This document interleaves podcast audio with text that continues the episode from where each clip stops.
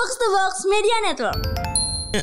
kayak back sayap juga yang tadinya cenderung bertahan malah sekarang ada yang protect wingback lah dan lain-lain gitu ya. Dan kayak taktik juga kalau nggak bikin tweak-tweak yang dari taktik yang udah ada pasti tim bakal mudah kalah. Jadi sebenarnya ada basis sama penciptaan ulang itu nafas yang sebenarnya udah kuat banget di sepak bola gitu ya.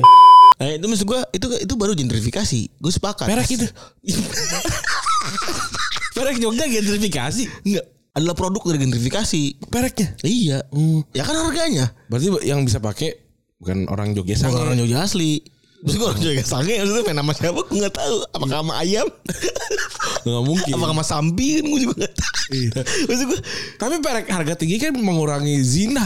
Berarti gentrifikasi ada benarnya. Penemuan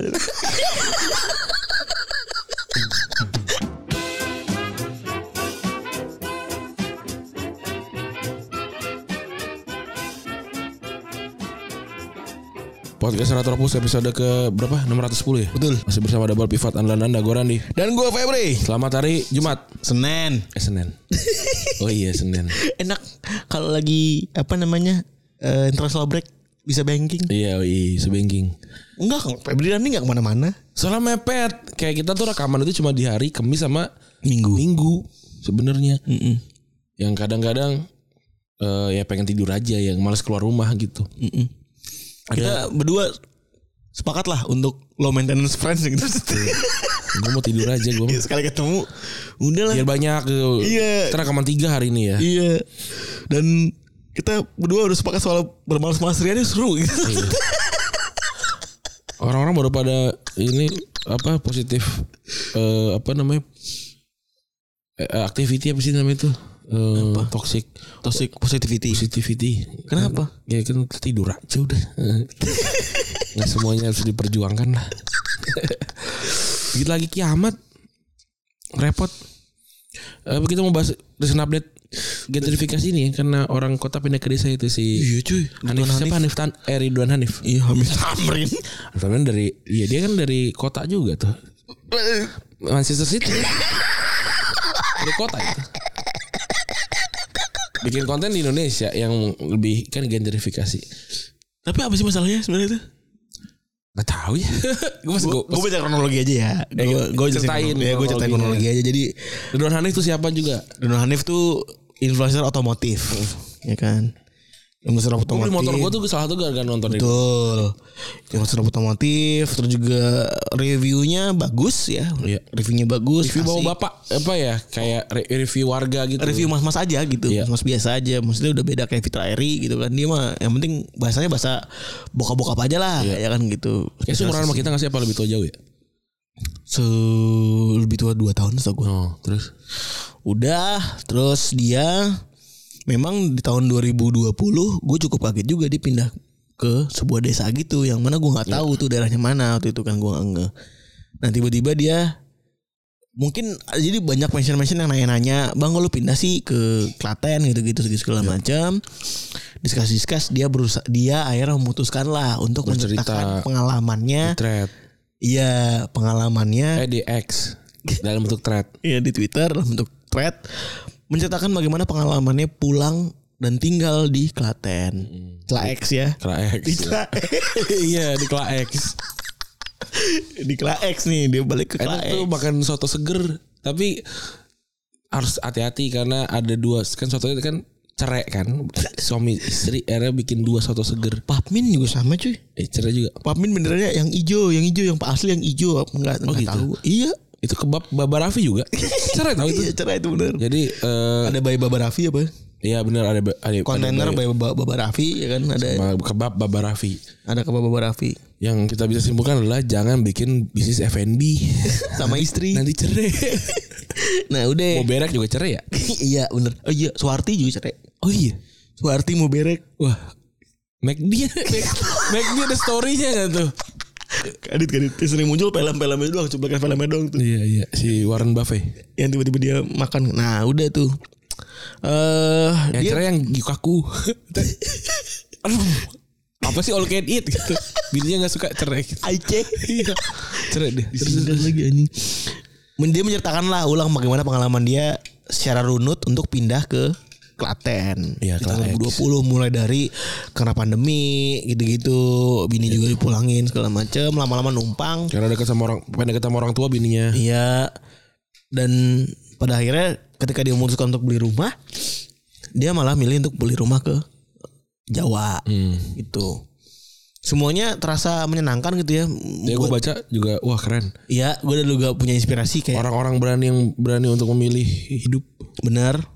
Karena itu privilege yang tidak dipunya sama kita ya Iya. saat ini gitu. Buat gue luar biasa tinggal di desa tuh gue ngeliat aja anjing enak banget kayak slow living Iya. gitu ya gitu. Eh, justru gue penasaran gimana caranya nyari nyari duitnya loh dengan kondisi seperti itu kan. Yo akun yang ngomong gentrifikasinya hilang coy itu. Oh, ngali. Ya udah tapi lanjut dulu. Iya. Terus ya udahlah, semuanya cenderung tonnya positif gitu-gitu, cenderung menyambut ide yang apa, cenderung mengembangkan isu lah. Ya. Cenderung tidak kontraproduktif, mengembangkan isu gimana caranya apa segala macam. Ridwan Hanif pun ada transaksi inilah, transaksi apa namanya? knowledge gitu. Ya.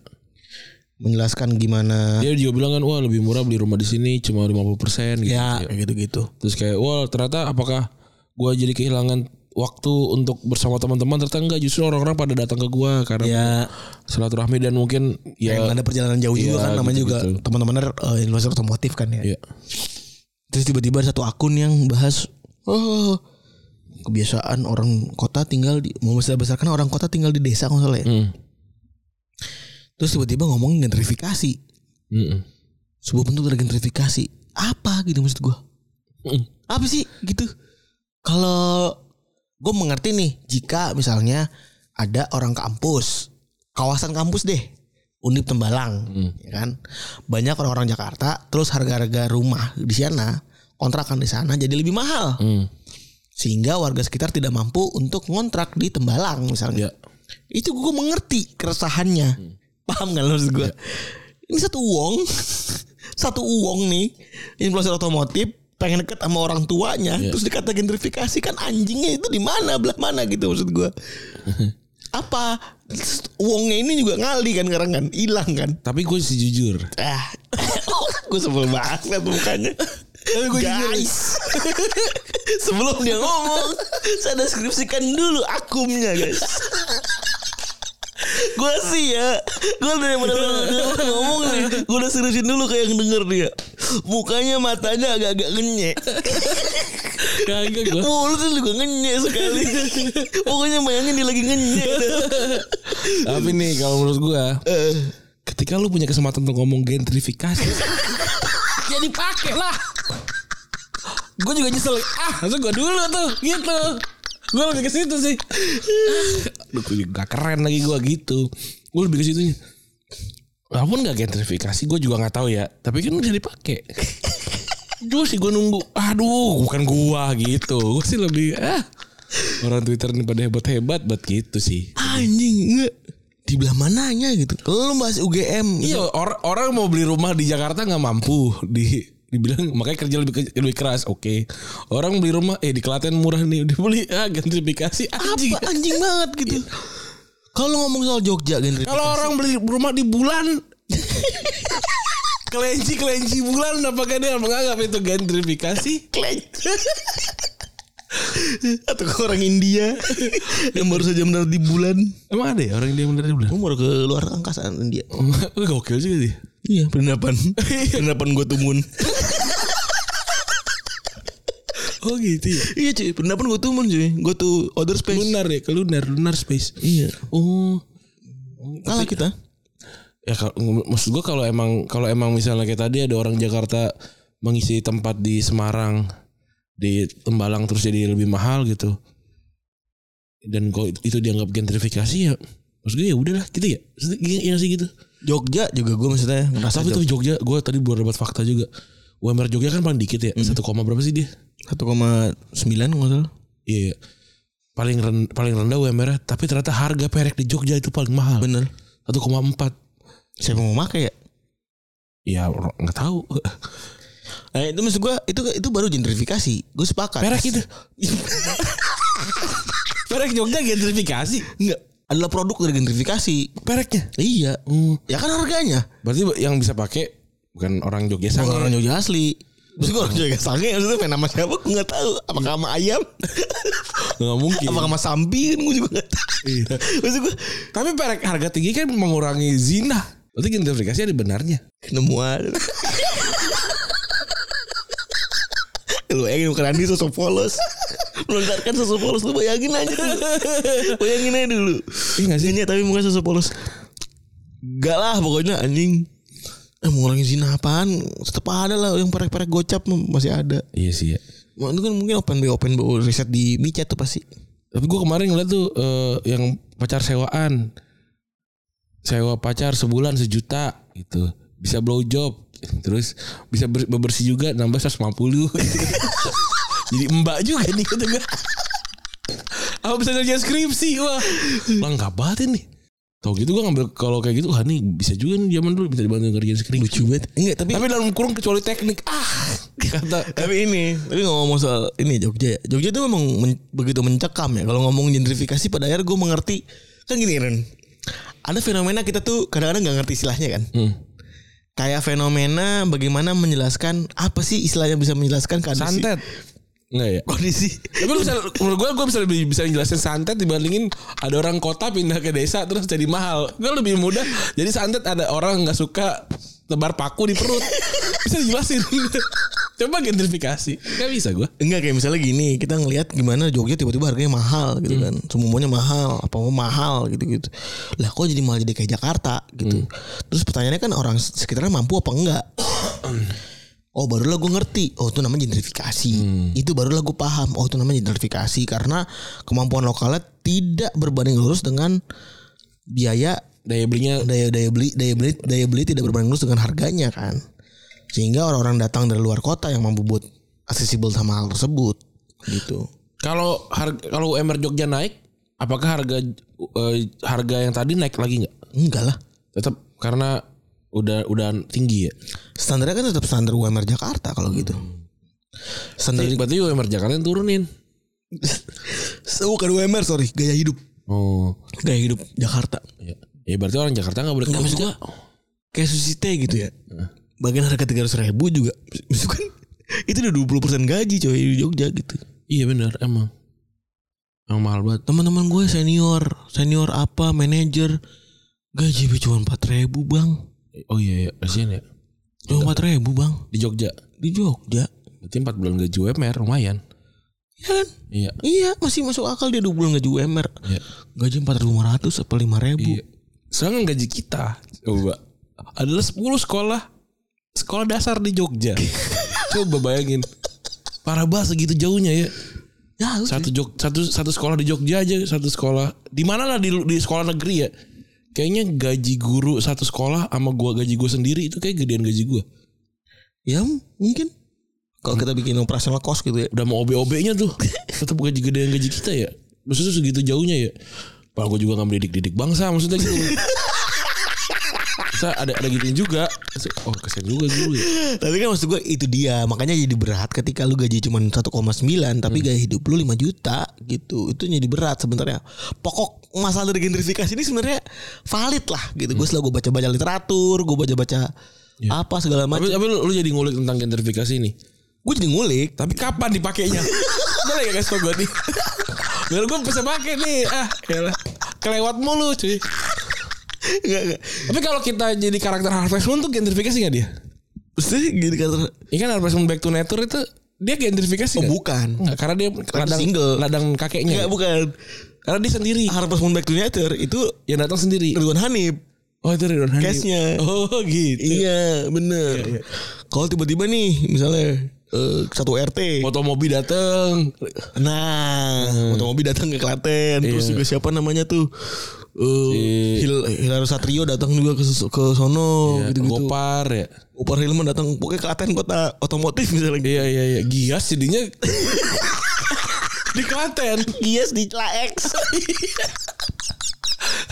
Nah kalau Gias jadi di Klaex Baru tuh Oh, gentrifikasi. iya, gentrifikasi. Iya itulah yang bikin misalnya Tiba-tiba mereka jadi orang kaya sekitar Gitu-gitu Iya, iya. Terus juga Apa harga jadi mahal Gitu-gitu Itu kan sama kayak misalnya Ini sama ini pak. Sama kayak apa ya?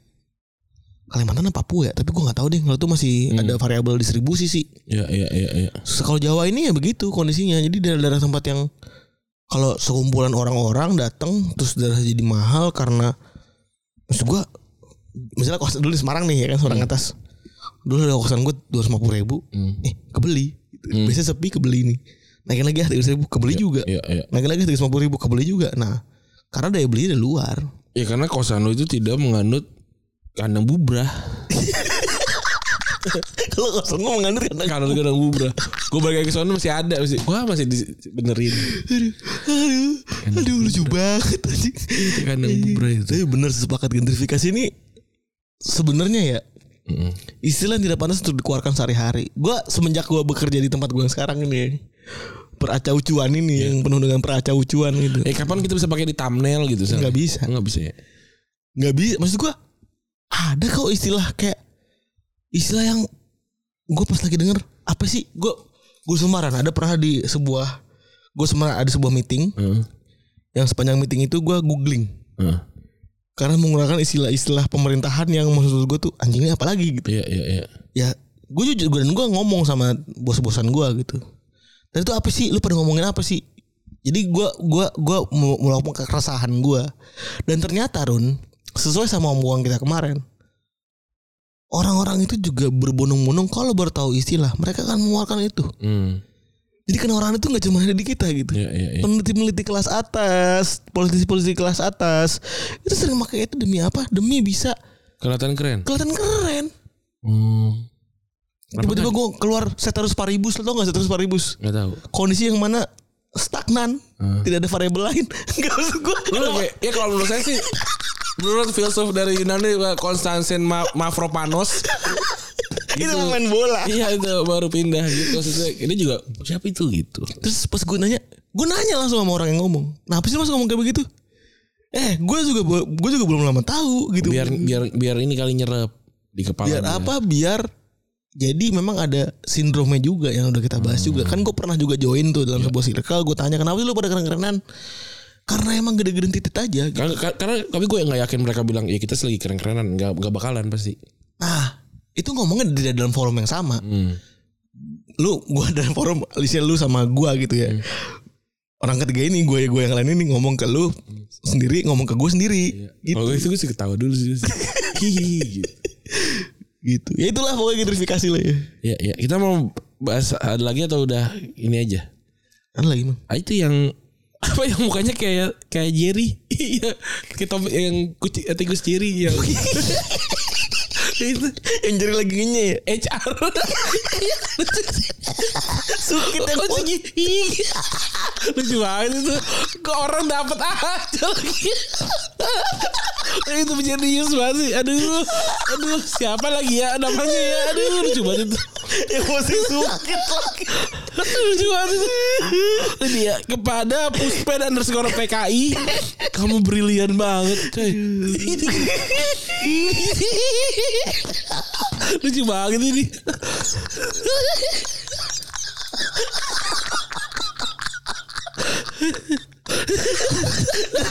Dan jadi mirip jadi cuma dalam satu momen cuy. Momen jadi lagi giting aja itu aja soalnya si Jerry ini udah sering banget diposting kan untuk berbagai macam occasion gitu. Tiba-tiba. Ini dia bukan lucu banget jadi. Aduh kok gue tuh gue tuh gak berhenti berhenti lo ketawa lo pas lihat ini Jerry. Aduh lucu banget anjing. Ini konteksnya apa sih? Jadi dia lagi lagi jadi tamu di mata Najwa ya? Kalau dari videonya kan dia ditanya dia menjelaskan kan 80 persen para rekruter itu ngecek orang-orang yang mau direkrut eh, lewat media sosialnya gitu kan. Bullshit itu Terus ada yang komen, ah buktinya enggak tuh ada pelaku ke, ke- kekerasan seksual bisa pindah dari media ini ke media ini, media ini, media ini gitu. Terus gue komen lagi. Ya berarti dia yang 20 persen. Gue susah banget kan itu 80 berarti 20 persen. ya logikanya sederhana aja sebenarnya Iya. gue gue aja nggak ngerasa ini bullshit lah Hmm. eh paling checking Google itu juga nama lu unik kalau lu kan nama lu unik tuh Hmm, gampang dicari. One Google well lah nama lu tuh kalau nama panjang keluar di LinkedIn keluar di mana keluar di sosmed Makanya nama depan gue gue gue hapus kan. Iya. Oh, ya walaupun sebenarnya nama tengah sama nama belakang gue yang lebih unik. Apa sih se Pokoknya seanjing-anjingnya jangan sampai nama lu kasus aja sih. Hmm. Juga kalau one Google away nama lu keluar misalnya Febri eh gua nih alhamdulillah gue bersyukur sekarang. Gua ke backup sama Febri Persib. Hmm. Gue bersyukur. Tapi kalau nama lu kayak kasus gitu di penjara apa segala macam. Salah satu anggota asumsi kan juga ada yang kayak gitu. Apa? Di one Google away keluar kasus korupsi. Oh iya. Tapi itu itu kan nggak lolos TKDN berarti apa sih dulu tuh? Iya kayak gitu-gitu. Ada, ada yang gitu. Tapi maksud gua objektifnya tuh lebih ke kriminal aja. Kalau lu nggak nggak macam-macam, nggak apa gitu-gitu. Dia ngerti yang aneh-aneh gitu. Gak, nggak ada yang punya waktu. Kalau si Puspa harus keluar PKI ini karena dia daftar kan kita mau HR ini. Gak pernah udah, Pak. Eh ketemu Jerry. itu enggak sih? Nggak. Ini gua kasih tahu ya. HR tuh sama sekali nggak punya waktu untuk ngulik lulu pada. Kerjaan tuh udah Hmm, Ini based pengalaman lu ada di bidang itu ya. iya, maksud gua apalagi terutama HR-HR yang belum spesialis gitu ya. Maksud gua talent ada kan Acquisition yang yang mungkin enggak enggak acquisition acquisition banget ya. iya, Mungkin kalau Scott di FM yang bintang satu ya. Iya bener tuh Kecuali Scott FM bintang 4 Yang kalau Bang ini bagus gak? Bintang 5 gitu. Pas pas, pas main agak bisa gocek nih. Ternyata ya cara kayak Jerry Iya. Scottnya masih Masih dia tuh Tadi lucu. Lu cari deh Puspen underscore PKI Terus ada gambar ibu-ibu jilbab Sebelahnya ada Jerry Jerry tikus ya Jerrynya Tom and Jerry Lucu banget aja Hmm, gitu. Lucu aja tuh Anjing lucu banget. Kok orang bisa ya? Itu Tapi ya di Terakhir lah sebelum, sebelum kita ngomongin bola. Emang emang admin akun meme ini emang luar biasa banget ya. Gue kan gue setiap Senin tuh keluar lah si kencrotan kan. Mensiasati mensiasati mandinya itu kan. Terus gue kan gue gue nggak pernah nongol dia tiap tiap harinya. Jadi gue gue sekali habis berapa Sama gue juga gitu. tiap malam Tiap malam gue kadang Yang terus yang kemarin tuh ada itu yang yang pakai yang orang jualan es teh. Iya. Terus apa namanya joget. Ah itu lucu banget itu yang terus pilihan lagunya juga brilian banget anjing.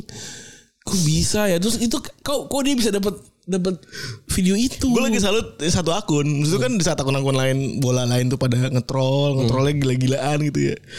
Ngetrolnya cenderung kasar ya kan? Saling hina satu sama lain. Si Jurgen Holik itu lah gue lagi salut Karena ini akun meme berbalut bola aja gitu. Kalau kayak misalnya Tiba-tiba nyiptain au Au. Lucu ya. Terus Dia mau kancing Di TikTok lagi musim cover cover lagu pakai suara Oh, iya binatang. iya.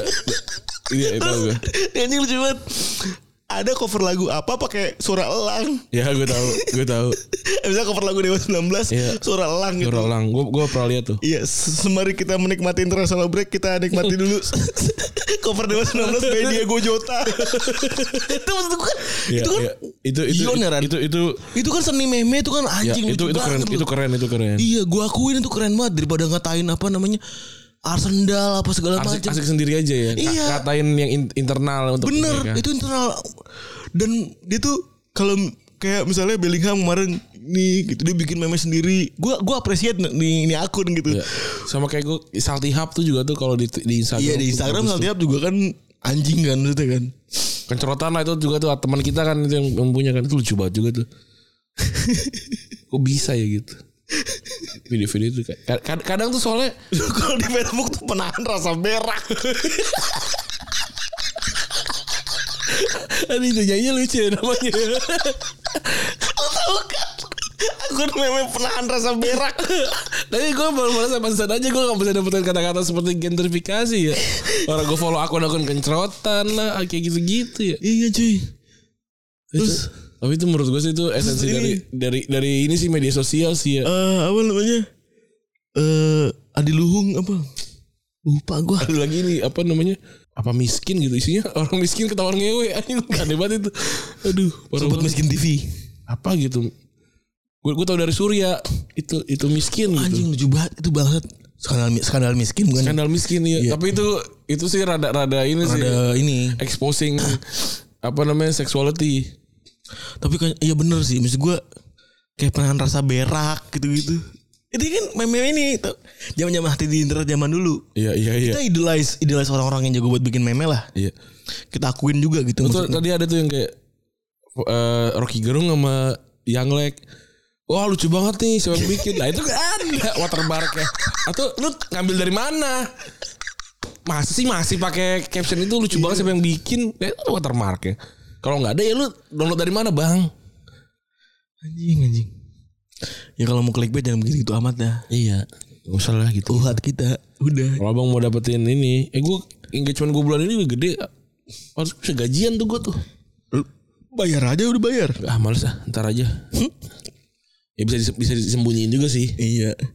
Oke, kita mau kali ini membahas tentang Mason Greenwood yang baru aja pindah ke ini ya, eh Getafe.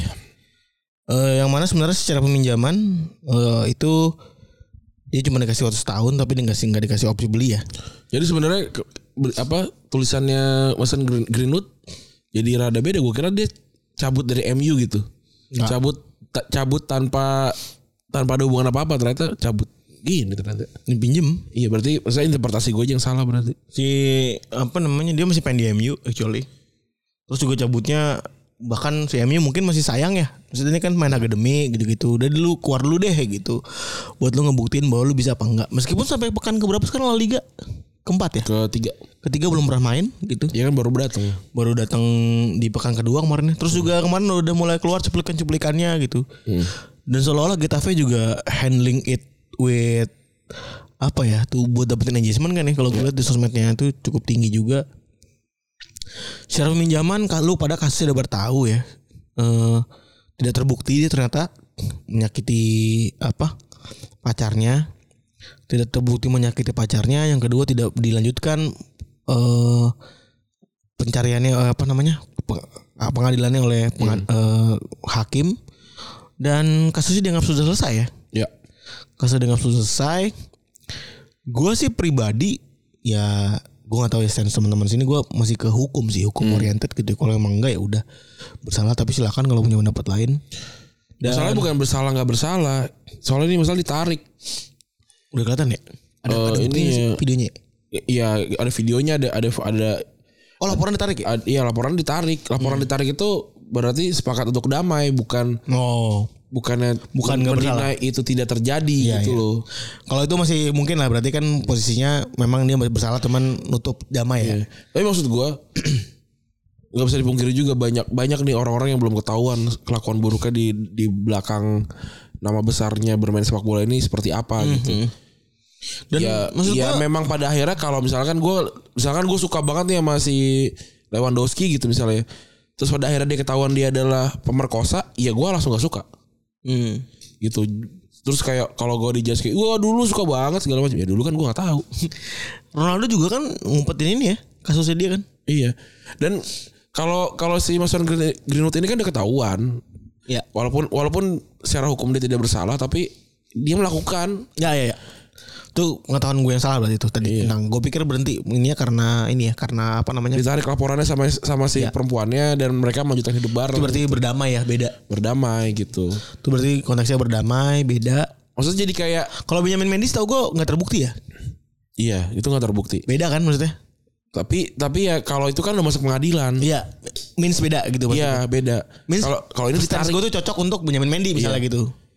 Kalau ini ini ibaratnya dul nabrak orang orangnya mati, terus dia Biayain. eh, biayain jadi laporannya dicabut gitu. Ya, Wala- bukan- walaupun walaupun gua nggak tahu ya laporan dicabut apa tidak tuh ya. Ya, yang si- tapi- intinya tapi membuktikan sih- bahwa Dul tidak bersalah. Eh, Bukan. Dul tidak dihukum karena memang tidak dituntut. Iya. Ya, Gitu. sepakat gua. Ini mirip kayak Karena dia tidak bisa dipenjara kan umurnya masih kecil ya gitu ya waktu itu ya kayaknya. Itulah pokoknya. dan kayak siapa namanya? Siapa sih yang kayak begini juga tuh dicabut laporannya? Ya itulah banyak pokoknya eh, kayak Mario Dendi misalnya. Nggak dihukum karena bapaknya nyabut laporan kan gitu kan. Emang ya? Nggak contoh gitu. Oh, iya iya iya. Misalnya Mario Dendi udah ketahuan gebukin apa segala macam bapaknya nggak itu karena bapaknya eh, bapaknya si David nyabut laporan. memutuskan, memutuskan untuk damai. Mm-mm. Gitu sih. Nah itu akhirnya dipinjemin dan secara konklusi sebenarnya Greenwood eh, main di Getafe berusaha buat ngebalikin karya dulu ya. Ya. Ngebalikin karya dulu karena umurnya juga masih cukup muda 21 tahun anjing. Setahun gak main udah 21 tahun. Terus eh bahkan Emi juga ngasih beberapa fasilitas buat Greenwood supaya betah di Getafe. Dia ngasih mereka ngasih eh apa namanya sebuah villa. Villa mewah eh yang bakal jadi tempat tinggal Greenwood. Kemudian dipaksa ya supaya muat. Dan ada salah satu area paling eksklusif di Spanyol yaitu pemukiman eksklusif La Finca. Dan Greenwood dapat bakal dapat keamanan dan privasi. Ya. Bahkan MU nggak dapat uang spesial pun dari pemain Greenwood sebaliknya dia mereka malah harus bayar sebagian besar dari gaji Greenwood senilai 75.000 pound sterling per pekan. Dan dan maksudnya di Twitter tuh masih cukup ini ya. Dualisme gitu. Fans MU itu masih ada yang suka, masih ada yang enggak gitu. Kalau Ya pilihan sih sebenarnya Ke- Iya. kemampuan untuk orang memaafkan kan beda-beda ya. Betul. Tapi yang jelas kalau pada kali ini banyak juga yang berharap kalau dia bisa reinvent karirnya yang masih seumur jagung gitu ya. Umur masih 21 dan naiknya karirnya baru 1 2 tahun. Tapi jadi pertanyaannya juga kayak emang kenapa harus selalu, terlalu dibela banget? Dia kan belum gi- segitunya ngasih apa-apa buat MU Ya. gitu. Oh sayang karirnya bagus dan cemerlang dan segala macam. Ya ya itulah ma- permasalahannya ini kan masalahnya kasus ya. Mm-mm. Bukan karena dia tiba-tiba nggak boleh main karena Erik Ten Hag nggak suka sama dia gitu terus di freeze kayak zamannya Al- Albelda Atau kayak dan segala macam gitu misalnya di Valencia si sekarang tuh siapa namanya? Yang selek Sancho Anthony ya? Sancho ya? Sancho Sancho. Sebenarnya ini kan dua pertanyaan ya. Setelah dia pindah ke Getafe ini percobaan untuk dia mengulang kembali apa namanya mengulang kembali karirnya dia ini jadi pertanyaan berhasil atau enggak. Hmm. Dan reinvention dalam karir ini dalam sepak bola ini bisa ada nggak sih gitu? gitu. Hmm. Faktanya sebenarnya kalau secara filosofis sepak bola ya isinya reinvention gitu kan. Hmm. Kalau ngomong soal taktik nyelimet dari yang sederhana banget sampai nyelimet kayak sekarang itu isinya reinvention, reinvention, reinvention kan gitu ya. ya Kadang-kadang main juga kalau nggak berubah gitu ya kan bisa tergeser ya contohnya kayak De Gea gitu kan. Hmm. Nggak bisa ngumpan. Iya gak bisa ngumpan Tapi clean sheet Golden Glove tuh tahun lalu anjing. Iya Golden Gloves Tapi yang emang eh, Golden Gloves itu memang kerja tim Sama seperti top score. Kerja tim itu kan. Dan apa namanya kayak back sayap juga yang tadinya cenderung bertahan malah sekarang ada yang seperti wingback lah dan lain-lain gitu. Ya dan kayak taktik juga kalau nggak bikin tweak-tweak yang dari taktik yang udah ada pasti tim bakal mudah kalah. Jadi sebenarnya ada pasti sama penciptaan ulang itu nafas yang sebenarnya udah kuat banget di sepak bola gitu ya Contoh bahkan ada sebuah eh, artikel panjang dari The Athletic namanya membahas tentang Luka Modric. The- dia sampai bikin sebuah istilah yaitu the art of reinvention karena dia ngerasa dia tuh selalu berinvest ber apa ya ber, selalu bercipta menciptakan dirinya tuh terus menerus gitu. Iya ini Bisa juga diadaptasi. Pemain MU kan eh, Ryan Giggs Tadinya pelari yang kencong banget di sayap Iya. Pas menua Dia ada di tengah gitu Dan eh, Jadi karirnya panjang banget Yang orang-orang pada bilang Sayap paling umur 33 pensiun Tapi dia umur berapa? 40 ya 40 Iya kan gitu. Walaupun ya belakang karirnya juga kan dia bermasalah juga ya. Secara hukum ya. Eh iya. Dan ada beberapa cara untuk reinventing karir. Kita bagi menjadi beberapa tipe ya. Ada ada empat tipe. Yang pertama eh reinventing karir tipe satu yaitu pindah ke liga yang lebih mudah ya. Ini udah dimulai dari tahun 80 90-an mulai dari Johan Cruyff, Mario Kempes dan banyak pemain uzul lainnya. Johan Cruyff di tua satu ketipu ternak babi. Ternak babi. Dan kita tertipu foto-foto dia di Levante. gue lucu banget kalau gue sama Rani lagi recall tuh. tuh keyword keyword Johan Cruyff ternak babi itu adalah cara recall paling bagus kan ya. Kayak misalnya kita nyentuh tahun 89 tuh si Johan Cruyff udah ketipu ternak babi cuy. Iya. Umurnya masih 31 itu. Dia ketipu tahun 89 ya. Iya kan? Tapi George Orwell tuh bikin 1984 tuh Animal Farm ya. Animal Animal Farm tuh setelah, sebelum itu sudah 1984 ya. Kalau tuh setelah 1984 ya 89 berarti ya bener kan tentang babi-babi juga kan. Animal Farm tuh. Dan karena karir sepak bola begitu singkat, kadang bikin main punya ego yang besar buat tetap berkarir sepanjang mungkin. Dan motifnya juga ada yang duit dan juga ada yang ambisi personal dan personal reference ya. Hmm. Dan biasanya berujung pada preferensi pemilihan kalau ngomong soal personal reference buat main di Amerika biasanya pengen punya gaya hidup dan lingkungan jet set Hollywood ya yang gak ada di Eropa. Di Indonesia pengen main di lapangan tidak rata. Atau pengen megang memotong rumput. iya. Seperti Michael Essien. Atau pengen naik mobil barakuda mungkin Iya. ke Indonesia. Jam tiap mainnya. Yang mana eh karena kebanyakan main-main yang akhirnya Jarre tersebut terbuatlah sebuah stereotip ya yang mana kalau ada main-main yang pada masa ejanya main buat liga kecil jadi terasa aneh kayak Oscar ataupun beberapa main kayak Ruben Neves atau Alan San Maximin yang sekarang pindah ke Arab di usia produktif dijajing ya mereka ya Ya lagian kenapa emang pindah di usia produktif kan bebas-bebas juga. dianggap jadi gini dianggap ini semua stereotip adalah jalur reinvention padahal ya karir yang silakan-silakan aja gitu ya Banyak kok yang pindah ke, perusahaan lebih kecil untuk gaji lebih besar kan. iya banyak banyak banget Bukan cuma sekedar Liga Arab maksudnya. Kayak jadi ikan besar di ada, kolam yang kecil ada yang pindah dari perusahaan multinasional ke startup terus pindah ke startup dengan gaji 10 kali lipat gitu misalnya. Habis itu pindah lagi. Iya jadi istilahnya kan jadi ikan besar di kolam yang kecil Iya, ya sah aja gitu. Apa? Dan beberapa liga yang jadi tujuan utama buat main yang reinvention cara satu ini yaitu eh, MLS, Liga Cina udah bangkrut sekarang. Liga India dulu sempat dalam ada beberapa era tapi eh, sekarang dulu sempat ada liga buat eksibisi ya. Ya. Dan juga saat ini Liga Arab. Kalau nanti mainstream itu balik lagi kata Rani tadi pengen mungkin pengen dalam barakuda atau pengen nyoba pakai pemotong rumput Atau mungkin DM pedangdut. Gak pernah tahu orang maunya apa coy. lucu banget atau mungkin pengen DM pedangdut Masalahnya itu tuh aja. tapi DM pedangdut bukan naturalisasi ya Enggak. Kan orang Kroasia. oh, oh iya bener orang Kroasia bener ya lupa gua Kalau yang naturalisasi kan ini si siapa namanya yang menik, yang nikah sama Kimi Jayanti tuh. iya iya iya Greg Nokolo Greg Nokolo. dan banyak pindah ke Liga Asia Tenggara salah satunya Indonesia Iya.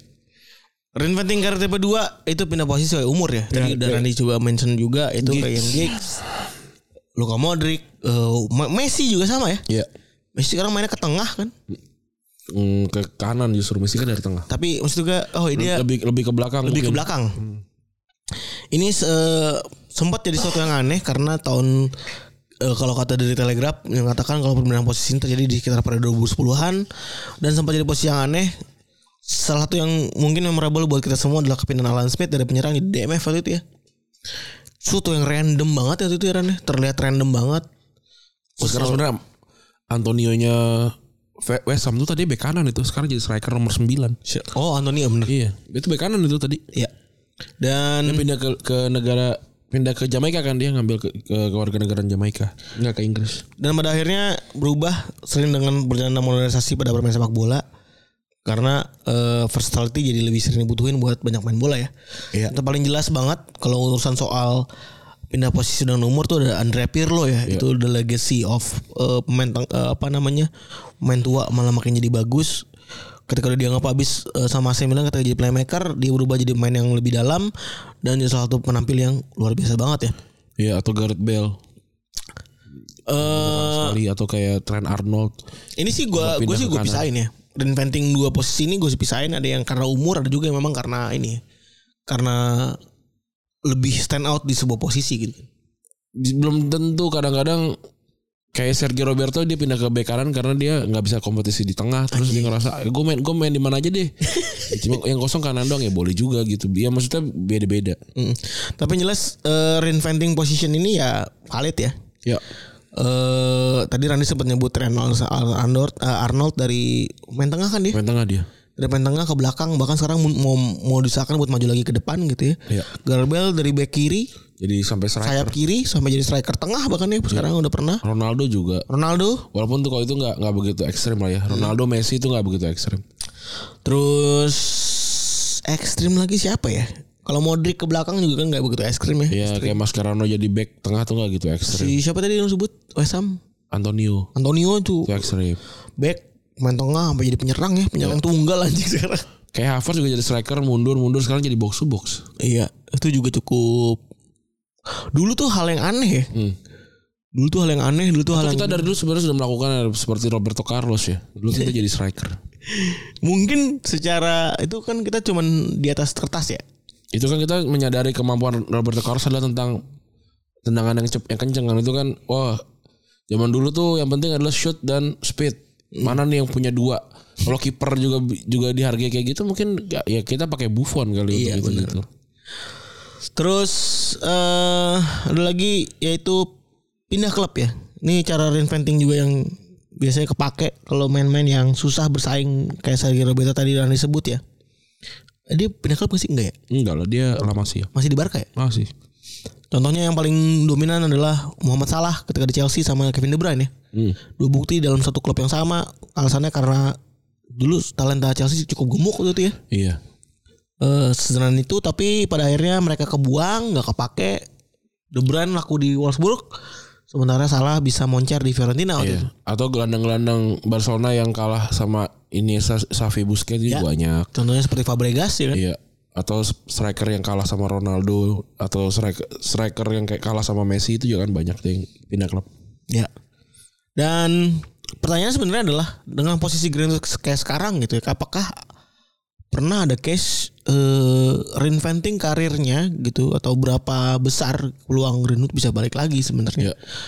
Bikin kasus di usia muda dalam hal ini sebenarnya jarang ya dan urusannya sama non sepak bola juga jarang. Yang pernah ada tuh yang kita lihat adalah yang hubungan sama sepak bola kayak misalnya Rio Ferdinand 8 bulan nggak boleh main gara-gara doping. Iya. Luis Suarez 4 bulan juga nggak boleh main kan gitu. Eric Cantona juga sama nggak Ya. boleh main kan. Sebenarnya yang kasusnya cukup tua, eh, kasusnya cukup panjang tapi umur cukup tua tuh Mark Bosnich ada. Ini Waktu eh, di usia narko. 31 tahun dia kena narko, Iya. tapi langsung pensiun deh. Oh iya. Langsung blek hilang pensiun. Yang hilang karena kasus gitu Adam Johnson tuh. Adam Johnson kan Oh, juga. pensiun jelas. Kalau itu kan emang masih di, dia kan di penjara kan. Iya. Dibui juga itu. Dia kan hotel Prodeo. Prodeo Asik itu apa ya? Asik banget ya. Kok gue pernah tuh ingat ada asal usulnya tuh Prodeo asal usulnya apa. Tapi yang jelas eh teka-teki juga buat Greenwood karena dia secara moralitinya udah cukup eh, jauh ya. Udah mungkin nggak ada yang belain dia lagi karena seksual abuse gitu ya. Agak susah untuk dibela tapi ya Karena tanpa biaya ternyata Prodeo. Oh. Hotel gratis maksudnya. Oh, Oh gitu.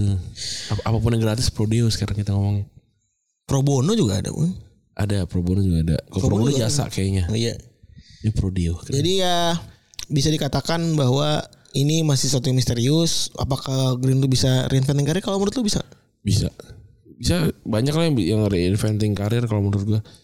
Usia dia cukup panjang sih ya dibanding yang kasus sebelumnya. Iya. Rio Ferdinand soalnya kena kasus usia dia umur 25 dan Iya. tetap Dan normal apa- aja sampai legend kan sampai akhir. Iya. Dan apakah Anies Baswedan juga termasuk reinventing karir? Kenapa tiba-tiba ada Baswedan? kan dia pindah berpindah dari kubu Prabowo dan ini kan pindah klub. Kok Prabowo? Adit. Kan tadi kan dia dukung, dukung Prabowo sebelumnya 2014. Habis dia pindah ke Jokowi? Surya Paloh. Jokowi dulu 2019. 2019 Jokowi. Iya. Iya. Habis itu pindah ke sekarang Surya Paloh. Iya. Caimin. Keren. Banyak lah itu. Pindah gitu-gitu pindah. Atau seperti eh, andalan kita semua. Siapa tuh? Si eh, siapa namanya? Aktivis. Permadi. Permadi aktivis. dia berpindah. Permadi Arya. Iya. Dia berpindah menjadi per- Suku Arya. tadinya dari Abu Janda Permadi aktivis kemudian ke Permadi Arya sekarang atau dulu Budiman Sujatmiko tadinya dia di penjara pindah jadi PDI sekarang berpindah mendukung Prabowo Padahal dia begitu ini ya. Nasional begitu heroik. ya apakah itu reinventing karir kita belum tahu juga Bener. Atau Anika Perkasa iya bisa juga dari TNI dari TNI ya menjadi tim TKN. betul atau AHY dari tentara menjadi cawapres bohong-bohongan. iya menjadi teman gym gua kita nggak pernah tahu Lebih peorasi lagi istilahnya bang. Jadi temen gym gue. Mas eh, AHY Aduh bangsat bangsat. atau Pak Jokowi yang tadinya eh apa namanya Mebel? mebel maker sekarang jadi king maker apakah itu reinventing karir kita Lu pernah tahu the best masih lu anjing. Dengan muka-muka ngenyel lu. kita nggak pernah tahu itu lah Aduh babi babi. Babi banget. iya. Mebel maker. iya dari tukang kak bikin perabot sekarang jadi tu- tukang bikin ya pencet- pencetus raja kita nggak pernah tahu apa Jokowi ke mana dia sekarang Eh, mengarah ke mana belum tahu ya Dua kaki dia. keren ya Anasnya dua kaki. Gue gue bayangin dua kaki tuh kayak Van di iklan yang truk tau gak sih yang gitu. Dia intinya mengawasi siapa pun yang kira-kira unggul. Oh keren. Dia mengambil kesempatan Dia itu the watcher. untuk memastikan bahwa program-program dia bisa diurus dilanjutkan. Kecuali Anies Baswedan. Pak Prabowo eh, siapa sih wakilnya belum tahu ya? Erick Thohir kayaknya Erick Thohir, Ganjar gelap tuh masih. sendiri bisa gak sih? kau tangan kosong kau berani sendiri gitu. Bu Prabowo tuh ini udah kelihatan lah, udah udah, udah berpola gitu ya. Prabowo tuh udah berpola, udah kelihatan. Itu yang dua yang bapak-bapak gembil dua itu berarti Prabowo sama Pak Erlangga. oh, Erlangga itu ya. Oh, Bapak iya. gembel. Ada fotonya kan. Ih lucu juga nih gitu. Nongkrong. Apalagi Erick Thohir di trio gembil ini. Iya itu lucu.